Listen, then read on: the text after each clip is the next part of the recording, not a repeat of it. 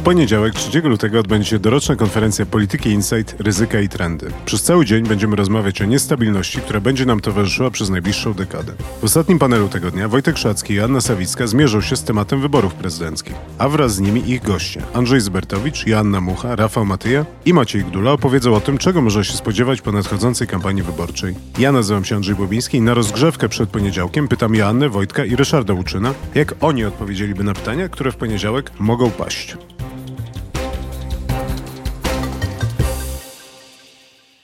Szanowni Państwo, moje pierwsze pytanie brzmi, jakie tematy wywołają największe emocje w nadchodzącej kampanii? Jak uważacie, jak będzie wyglądała oś sporu i kto ją wytyczy? Ja tutaj wyobrażam sobie dwa takie scenariusze, jeśli chodzi o tematy kampanii. Jeden scenariusz to jest taki, że tematykę narzucą jakieś wydarzenia międzynarodowe, których natłok obserwowaliśmy w styczniu i wydawało nam się wtedy, że to będzie kluczowe w kampanii prezydenckiej. A drugim scenariuszem jest to, że tematykę narzuci, jak to w ostatnich czasach często obserwowaliśmy, PiS. I to od niego będzie zależeć, o czym tak naprawdę będziemy rozmawiać w kampanii prezydenckiej. Ja jestem przekonany, że bardzo ważnym tematem mimo wszystko będzie praworządność. Dopiero przed chwilą dowiedzieliśmy się, że 25 lutego Trybunał Konstytucyjny zajmie się kwestią sporu kompetencyjnego, domniemanego między Sejmem, prezydentem a Sądem Najwyższym. Sędzią sprawozdawcą będzie Krystyna Pawłowicz, co na pewno rozgrzeje wiele dyskusji. Natomiast jeśli chodzi o tę oś sporu, to spodziewałbym się, że zdominuje tę kampanię oś klasyczna, czyli spór między PiSem a Platformą. Z jednej strony dlatego, że ten spór jest po prostu wygodny dla obu tych partii, jest dość naturalny. Z drugiej dlatego, że one mają po prostu najwięcej pieniędzy na prowadzenie kampanii i będą miały największe możliwości nagłaśniania tego swojego sporu. Natomiast oczywiście wszystkie inne komitety będą starały się jakoś poszerzyć to pole walki, albo raczej stworzyć inne pola walki, żeby być w stanie zwrócić na siebie uwagę. Jest też taka możliwość, że będzie wytyczona przez PiS oś sporu między PiSem a Lewicą, jeżeli to PiSowi uda się rzeczywiście skutecznie narzucić tematykę kampanii i powróci do swoich ulubionych, pamiętamy sprzed roku w kampanii europejskiej, tematów światopoglądowych, które są bardzo trudne dla Platformy, spychają ją trochę na margines, wzmacniają lewicę i wzmacniają PiS i to właśnie byłoby taka zmiana tej osi, natomiast mogłaby być korzystna, pomimo że nie o tym powinny być wybory prezydenckie, ale mogłoby to być korzystne przede wszystkim dla PiSu, i z lekką korzyścią też dla lewicy. A ja tu się muszę przyznać do pewnej niewiedzy i braku przekonania co do tego, jak będzie wyglądała ta kampania i jaka będzie główna oś sporu, ponieważ nie wiem, co za kilka miesięcy będzie najważniejsze dla Polaków. Jeśli prawdziwe okażą się te sondaże, które wskazują na pogorszenie się nastrojów społecznych, jeśli w ślad za nie najlepszymi danymi za czwarty kwartał, tymi gospodarczymi, przyjdą kolejne złe wieści pod koniec pierwszego kwartału tego roku, no to wyobrażam sobie, że cała ta kampania może być o tym, co się stanie z Polską i czy polska gospodarka wytrzyma ten poziom dobrodziejstw socjalnych, które PiS zaoferował.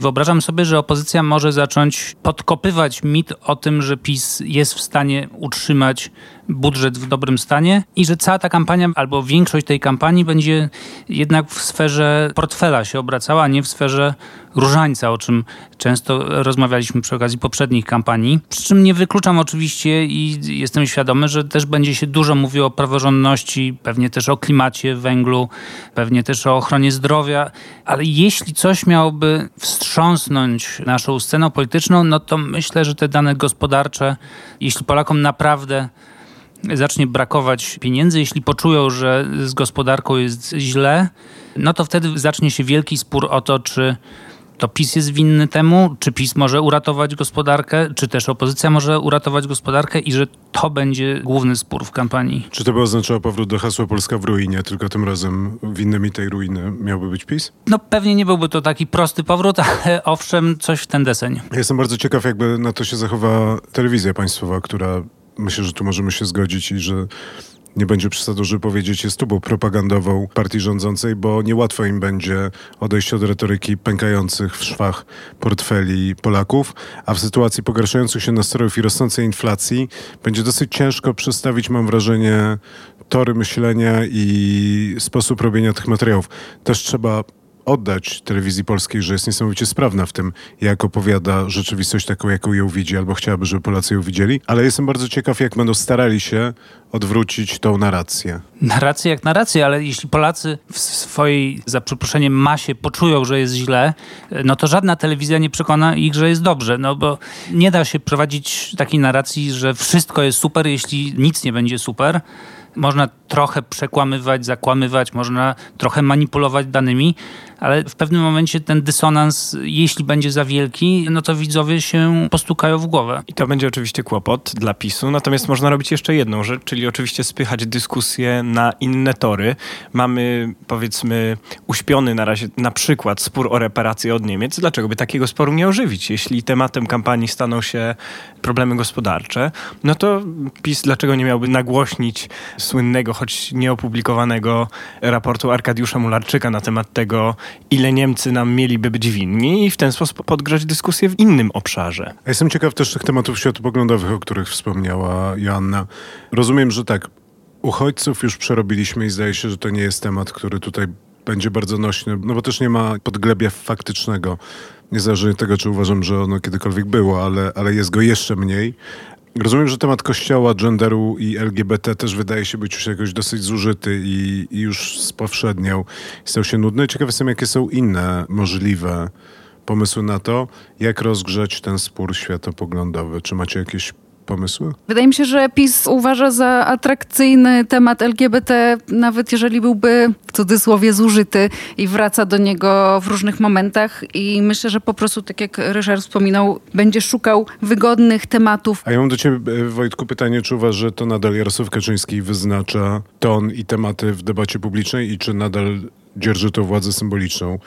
Tak jak to robił w latach poprzednich, to znaczy, czy nadal ma taki przemożny wpływ na to, o czym będziemy rozmawiać, jak będziemy patrzeć na rzeczywistość, niezależnie od tego, czy się będziemy z nim zgadzać, czy nie. No mam wrażenie, że wraz z mniejszą aktywnością Jarosława Kaczyńskiego, który jest po operacji nogi, rzadziej pokazuje się publicznie, rzadziej udziela wywiadów, rzadziej też występuje po prostu na briefingach, bo konferencji Jarosława Kaczyńskiego to już najstarsi ludzie nie pamiętają że nastąpiło pewne bezkrólewie. Ja nie mam wrażenia, że jest teraz jakiś dominujący, narzucony przez kogoś temat. Owszem, partie spierają się o reformy tak zwane sądownictwa, Natomiast no, to się po prostu dzieje i to trochę było tak, że PiS został sprowokowany do uchwalenia tej ustawy działaniem sędziów. Myślę, że on by uchwalił tę ustawę później, żeby sobie nie robić kłopotu przed wyborami prezydenckimi.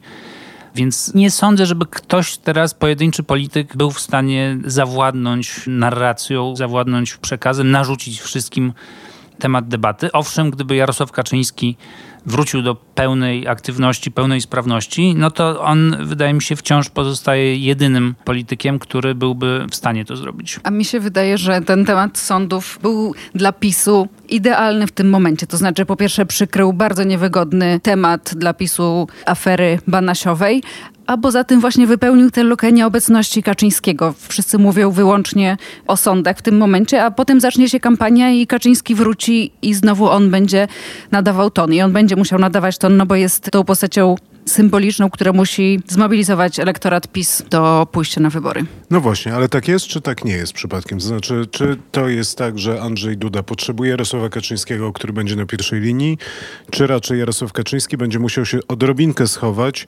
żeby nie przyćmić Andrzeja Dudy? Pytam o to dlatego, że no, przez wiele lat wydawało nam się, że w momencie wyborów Jarosław Kaczyński odchodzi w cień, a potem wraca. Natomiast w ostatniej kampanii wyborczej, tej parlamentarnej, Jarosława Kaczyńskiego było dużo i prawdopodobnie to dobrze zrobiło wynikowi wyborczemu PiSu. Czy uważacie, że Jarosława Kaczyńskiego jako postaci będzie dużo w mediach, będzie dużo w przestrzeni publicznej, czy raczej on będzie musiał się schować? Ja nie wiem, jak to zmierzyć. Mam wrażenie, że w wyborach parlamentarnych Jarosława Kaczyńskiego było co najmniej tyle, a może nawet więcej co Mateusza Morawieckiego, który był kandydatem na premiera. To Jarosław Kaczyński był głównym mówcą na głównych konwencjach Ja bym to chyba zmierzył ilością minut, w których były materiały o Jarosławie Kaczyńskim albo o Mateuszu Morawieckim, albo po prostu twarz Jarosława Kaczyńskiego i Mateusza Morawieckiego w wiadomościach. Myślę, że to jest dosyć dobry miernik. Tak, ale też tak było, pamiętajmy, w kampanii europejskiej. Z tego co pamiętam, w samorządowej też go było sporo. Znaczy Jarosław Kaczyński niewątpliwie przez ostatnie kilka kampanii był twarzą PiSu, najważniejszym politykiem kampanijnym. Przecież on przed wyborami parlamentarnymi objechał 16 województw i na każdym zjeździe PiSu zabierał głos i był tym najważniejszym mówcą. Nawet Mateusza Morawieckiego nie było na wszystkich z tych konwencji. Myślę, że Andrzej Duda będzie potrzebował Jarosława Kaczyńskiego, choćby po to, żeby upewnić wszystkich wyborców PiSu, że ten Andrzej Duda to wciąż jest ich Andrzej Duda. Więc takie do pewnego stopnia sklejenie prezydenta z obozem władzy musi być pokazane również przez obecność Jarosława Kaczyńskiego a także innych polityków PiSu typu Joachim Brudziński czy Beata Szydło, którzy też będą w tej kampanii występowali. Natomiast no, ciężar będzie oczywiście na barkach prezydenta. Mi się wydaje, że tak jak jeszcze 4 lata temu czy 5 lat temu Jarosław Kaczyński był uważany za pewne obciążenie czy odstraszenie dla tych bardziej umiarkowanych, centrowych wyborców PiSu, tak jego osobiste notowania, widoczne chociażby w CEBOS sondażu zaufania, od tej pory zdecydowanie się podniosły. Poziom zaufania zdecydowanie wzrósł, a poziom nieufności spadł i od kilku dobrych miesięcy widzimy, że jest go więcej i to pomaga PiSowi w kolejnych kampaniach. Co więcej, to brak Jarosława Kaczyńskiego sprawia, że PiS jest w kłopotach. Za każdym razem, kiedy Jarosław Kaczyński na jakiś czas znika z powodów najczęściej zdrowotnych, zaczynają się kłopoty, zaczyna się bałagan. Rozmawiałem z pewnym parlamentarzystą PiS, który opowiadał o tych ostatnich posiedzeniach Sejmu, na których Jarosława Kaczyńskiego nie było lub był tylko na głosowaniach. No i tam się zaczęło jakieś wrzucanie poprawek w ostatniej chwili. Posłowie nie wiedzieli, jak głosować. Część posłów nie było na głosowaniu. No, Jarosław Kaczyński po prostu jest niezbędny dla funkcjonowania bieżącego PiSu. Jest jedna różnica, mianowicie to są inne wybory. To znaczy tutaj, szczególnie w drugiej turze,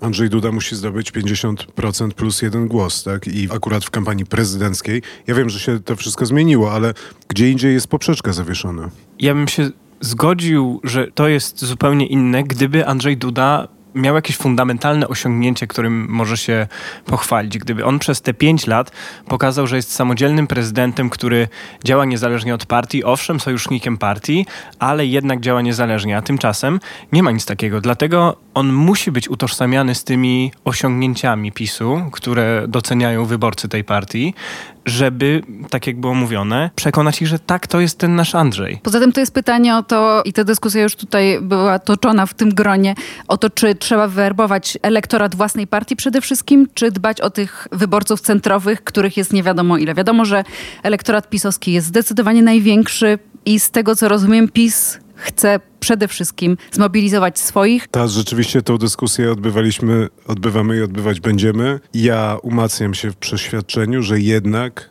nie da się wygrać wyborów prezydenckich tylko i wyłącznie swoimi wyborcami, nawet jeżeli jest się pisem. I nie tylko dlatego, że tych wyborców jest za mało, ale też dlatego, że ta ostra retoryka, którą teraz widzieliśmy, od której moim zdaniem jest odwrót, oddziałowuje na ten drugi obóz, to znaczy bardzo silnie mobilizuje, co też widzimy, stronę antypisowską. I to jest coś, co moim zdaniem zostało niedocenione w tych pierwszych tygodniach tego roku, to znaczy poziom mobilizacji i zdecydowania, w jaki strona antypisowska się nakręca na Andrzeja Dudę. I ta kampania też moim zdaniem będzie o tym. Ona nie będzie tylko o tym, o mówieniu do swoich, ale też mówiąc do swoich, denerwuje się nie swoich. Ja nie mam poczucia, by ktokolwiek z nas twierdził, że da się wygrać wybory samymi wyborcami PiSu.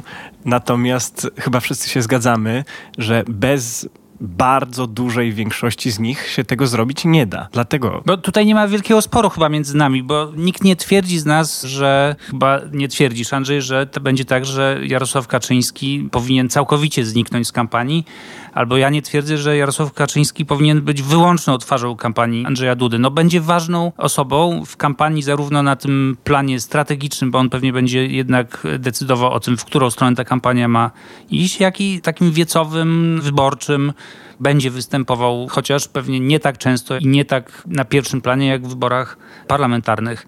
Ale bez wsparcia Jarosława Kaczyńskiego Andrzej Duda nie wygra tych wyborów. Z samym wsparciem Jarosława Kaczyńskiego jego partii też nie wygra. No, stoi przed nim ciężkie zadanie, zwłaszcza, że PiS nie przeżywa teraz swojego najlepszego okresu w dziejach. Ja twierdzę coś innego. Ja twierdzę, że największym atutem i najważniejszą osobą dla kampanii Andrzeja Dudy jest Andrzej Duda. Twierdzę, że tak świetnie Andrzej Duda prowadził kampanię wyborczą przez ostatnie pięć lat swojej prezydentury, że ma położone podwaliny pod to, żeby przekonać do siebie drugi raz Polaków.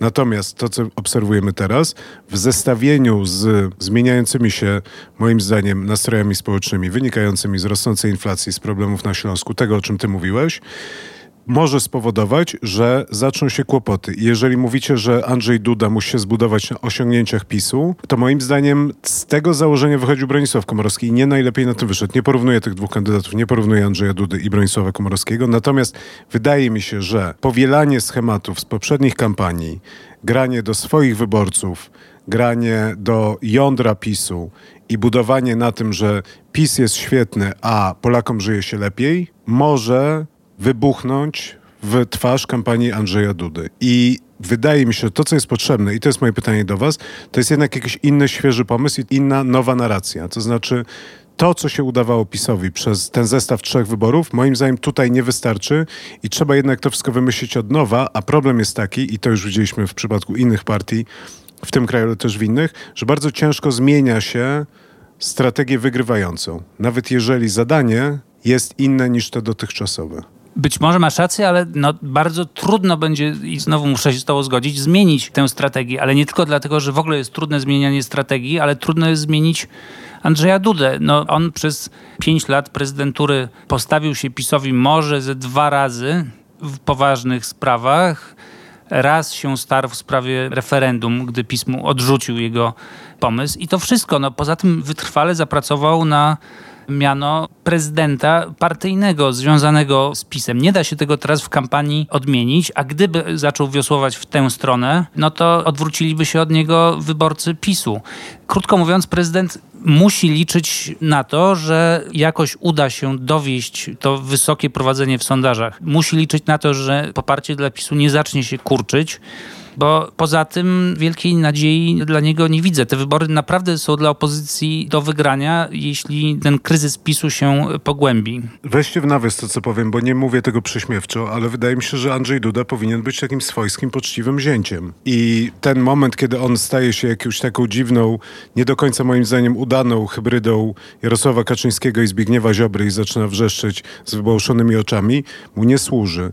A elektorat pisowski i PiS Jestem przekonany, że niezależnie od tego, jak będzie wyglądała kampania Andrzeja Dudy, jeżeli on będzie mówił codziennie, że trzeba łączyć, a nie dzielić, że on jest prezydentem wszystkich Polaków, i tak i tak spowoduje, że elektorat PiSu na Andrzeja Dudę zagłosuje, bo ma pełną świadomość tego, jaka jest stawka tych wyborów. I ja nie kupuję i nie rozumiem, tej potrzeby mobilizacji swojego elektoratu i utwierdzam się w tym przekonaniu. To nie chodzi o to, że elektorat PiS miałby nie zagłosować na Andrzeja Dudę, czy zagłosować na innego kandydata, tylko chodzi o to, żeby pójść albo nie pójść do tych wyborów i żeby poczuć się zwerbowanym do tego i żeby poczuć rzeczywiście, że ta stawka jest wysoka. Ale żeby ten gest odklejenia się od PiSu, który miałby uspokoić wyborców niepisowskich, miał jakąś wagę, musi mieć jakieś realne znaczenie prezydent musiałby, nie wiem, zawetować teraz ustawy sędziowskie, musiałby zrobić coś, a nie powiedzieć po prostu coś łagodniejszym tonem, uśmiechnąć się do Unii Europejskiej. To nie wystarczy. Odchodząc może odrobinę od tego, co mówiliśmy do tej pory, ja mam wrażenie, że strategie, które byłyby skuteczne w pierwszej i drugiej turze, mogą być ze sobą do pewnego stopnia sprzeczne. To znaczy, o ile rzeczywiście w pierwszej turze fundamentalne jest zmobilizowanie przede wszystkim tych wyborców PiSu, przekonanie ich, że muszą pójść na wybory, no to w drugiej turze, która spodziewamy się, że będzie, Duda właśnie musi pójść szerzej. Więc o ile przed pierwszą turą może dałoby się przekonać tych wyborców PiSu właśnie tego typu ostrymi wypowiedziami, no to fundamentalna dla wyniku wyborów druga tura nie jest w ten sposób do wygrania. I myślę, że tutaj leży dość duży problem. Szczególnie, że jest bardzo mało czasu między pierwszą a drugą turą. To nie jest tak jak w Stanach, jak są z jednej strony primaries, gdzie się robi jedno, a potem właściwe wybory, gdzie się robi coś innego. Znaczy tutaj, jak już się rozpędzi kampanię w jednym kierunku, to w te dwa tygodnie się jej nie odwróci, a jeżeli się będzie próbowało, to moim zdaniem tylko i wyłącznie można stracić sterowność nad kampanią i się w tym wszystkim pogubić. Ale ja jeszcze na sekundę wrócę do Andrzeja Dudy. Moim zdaniem on wcale nie robi źle. Też o tym mówiliśmy chyba w zeszłym tygodniu. Natomiast to wykonanie jest przaśne, nieudane To jest jakiś mieszanina kiepskiego aktorstwa i kiepskiej polityki. To, co jest bardzo symptomatyczne, to że ta rozmowa, którą mieliśmy tutaj odbyć, miała być o wyborach prezydenckich i o tym, co się wydarzy, a jedynie rozmawiamy o Andrzeju Dudzie i Jarosławie Kaczyńskim, co prawdopodobnie sugeruje, że co by PiS nie zrobił, czy dobrze, czy źle, to i tak i tak w tym momencie tak bardzo ten kraj żyje PiSem, a też my, że no ciężko będzie im te wybory przegrać. Więc moje pytanie do was brzmi, co mogą zrobić poszczególni kandydaci, żeby ten trend czy tą atmosferę odwróci. To znaczy, co może zrobić Małgorzata Kidawa-Błońska, Robert Biedroń, Szymon Hołownia, Władysław Kościniak-Kamysz czy Krzysztof Bosak, żeby jednak te wybory były o czymś innym niż to, czy PiS robi dobrze, czy źle. Czy Andrzej Duda jest zbyt wesołkowaty, czy za bardzo zdenerwowany. Czy Jarosława Kaczyńskiego jest za dużo, czy za mało i tak dalej. Jest jasne, że przed Małgorzatą Kidawą-Błońską stoi wyjątkowo trudne zadanie. Ona ma dwa takie, wydaje mi się, kluczowe problemy. Pierwszy to jest brak wyrazistości, o który oskarżają ją wszyscy, niezależnie czy są to przeciwnicy polityczni, czy trochę ciszej i nieoficjalnie działacze Platformy. I z tej braku wyrazistości będzie jej się bardzo trudno wydostać przez drugi kłopot, to znaczy zakleszczenie pomiędzy lewicą a PiSem i PSL-em, to znaczy w którąkolwiek ona by nie poszła stronę, to będzie tracić na rzecz tej drugiej strony. Więc ona będzie musiała z jednej strony walczyć o to, żeby być jednak jakaś, a z drugiej strony walczyć o obie swoje flanki. I wydaje mi się, że takim najbardziej pozytywnym dla niej scenariuszem jest, że polityka zagraniczna staje się na tyle ważna w kampanii prezydenckiej, że te tematy zaczynają dominować nawet nie ze względu na samą Kidawę Błońską, bo ona tutaj nie wydaje się szczególnym ekspertem w tych dziedzinach, tylko po prostu ma najlepsze spośród opozycji przynajmniej zaplecze w tej kwestii. Ja ona w najlepszym możliwym scenariuszu dla Małgorzaty Kidawej Błońskiej, jeżeli ona ma być jakaś, to jaka ona będzie? Nie jestem na szczęście doradczynią Kidawy Błońskiej i tutaj muszę się przyznać, że nie mam dobrego pomysłu na to, jaka mogłaby być Małgorzata Kidawa-Błońska. Ja myślę, że Małgorzata Kidawa-Błońska może trochę siłą rozpędu i szczęśliwym dla siebie trafem wygrać te wybory, specjalnie nie zmieniając w swojej kampanii. Ona musi liczyć po prostu na to, że nie rozkwitnie nagle kampania Szymona Hołowni, a chyba nie rozkwitnie, bo wszystko wskazuje na to, że ten projekt raczej się nie powiódł musi liczyć na to, że Robert Biedroń nie przeskoczy tych swoich nastu procent i że Kosiniak-Kamysz nie przeskoczy tych swoich nastu procent, a ona dowiezie te swoje dwadzieścia parę procent co najmniej głosów. No a w drugiej turze już wszyscy wyborcy wymienionych kandydatów i tak na nią nawet z zaciśniętymi zębami zagłosują. Więc wydaje mi się, że tutaj zamiast Kidawy Błońskiej mógłby być dowolny polityk Platformy. Nie widzę, żeby ona mogła siłą swojej osobowości i siłą swojej kampanii wiele zmienić. Może trochę nie zepsuć, może trochę te swoje notowania podwyższyć, ale moim zdaniem jedynym politykiem z kręgu Platformy, który by to mógł zmienić radykalnie ten obraz, to byłby Donald Tusk, który, jak wiadomo, raczej nie wystartuje. Ja się zgadzam z Wojtkiem co do Kidawy Błońskiej, natomiast jest jeszcze jedna rzecz. Moim zdaniem ona powinna liczyć na to, żeby kampania pozostałych kandydatów opozycyjnych, może z wyjątkiem Krzysztofa Bosaka, była całkiem niezła, ale nie za dobra. To znaczy, żeby oni porobili najlepiej wszyscy po te powiedzmy 12%, co jest oczywiście dość mało prawdopodobny scenariusz, ale żeby ona weszła do drugiej tury z Dudą, a pozostali kandydaci zmobilizowali swoje różne elektoraty, przekonali je, że te wybory są fundamentalne, a między pierwszą a drugą turą przekonali, że jednak prezydentka z Platformy jest lepsza niż Andrzej Duda. Słuchajcie, moje ostatnie pytanie, i to zabrzmi głupio i za to przepraszam, ale ja sobie trochę wyobrażam te wybory jako takie wybory, gdzie Polacy decydują, czy jak mówię Polacy, to myślę sobie o jakimś domu na przedmieściach niewielkiego miasteczka decydują o tym, kogo z tych kandydatów chcieliby ugościć u siebie na podwieczorku po obiedzie w niedzielę. I tak jak Andrzej Duda moim zdaniem wygrywał to, bo był właśnie tym sympatycznym zięciem, z którego i można sobie trochę pogadać i z grilla zrobić i może trochę wypić nalewki. Tak samo wydaje mi się, że ta jakaś Małgorzata Kidawa-Błońska to może być ta bogata ciocia z Warszawy, która przyjeżdża, nie jest zbyt wyniosła, jest sympatyczna, miła, posłucha i porozmawia. Pytanie, czy inni kandydaci mają taką, albo mogą mieć taką opowieść. Czy Szymon Hołownia, Krzysztof Bosak, Robert Biedroń, Władysław Kosiniak-Kamysz to są te osoby, których ta rodzina chciałaby ugościć na tym podwieczorku w niedzielę po obiedzie. No jeśli chodzi o moją działkę, to zdecydowanie Robert Biedroń stara się taką opowieść mieć. To widzieliśmy na tej konwencji otwierającej, że bardzo dużo mówił na niej o swojej historii życia. To znaczy, że on jest tym zwykłym chłopakiem z Krosna, który przezwyciężał życiowe trudności, ale on jest taki jak inni, nie ma tych prezydenckich genów, no, że, że po prostu zwykły chłopak, który się z każdym dogada. Więc on zdecydowanie stara się pokazać właśnie jako taki człowiek, którego chcesz u siebie ugościć. No myślę, że Władysław Kośniak-Kamysz też się o to stara i też ma wizerunek polityka, który jest osobą sympatyczną, który dąży do zgody. On to powtarza od wielu lat, wielu miesięcy. Nigdy nie kreował się jako osoba jakoś agresywną czy konfliktował. Zawsze był tą stroną koncyliacyjną, więc myślę, że on jak najbardziej też miałby szansę być mile widzianym gościem w takim domu. A ja nie jestem jakoś wielkim fanem tej analogii, więc może nie będę się do niej odnosił. Pytanie o to, jakiego Polacy chcą prezydenta jest doskonałym pytaniem, ale adresat chyba jest nie najlepszy. I sądzę, że o tym powinniśmy porozmawiać z ludźmi, którzy się na co dzień zajmują badaniami, socjologami, a także profesjonalistami w kampaniach wyborczych. I myślę, że to może być temat naszej następnej rozmowy. I pewnie zapytamy też naszych panelistów na konferencji Ryzyka i Trendy o to, jakich cech ich zdaniem szukają Polacy w prezydencie. Dziękuję Wam bardzo za tę rozmowę. Wydaje się, że musimy już w tym momencie ją skończyć i zaprosić Państwa na poniedziałkowy panel na temat wyborów prezydenckich, w którym udział weźmie Andrzej Zbertowicz, Joanna Mucha, Rafał Matyja i Maciej Gdula i odpowiedzą na podobne, ale też pewnie trochę inne pytania Wojtka Szockiego i Anny Sawickiej. Dziękuję. I ja też. Dziękuję.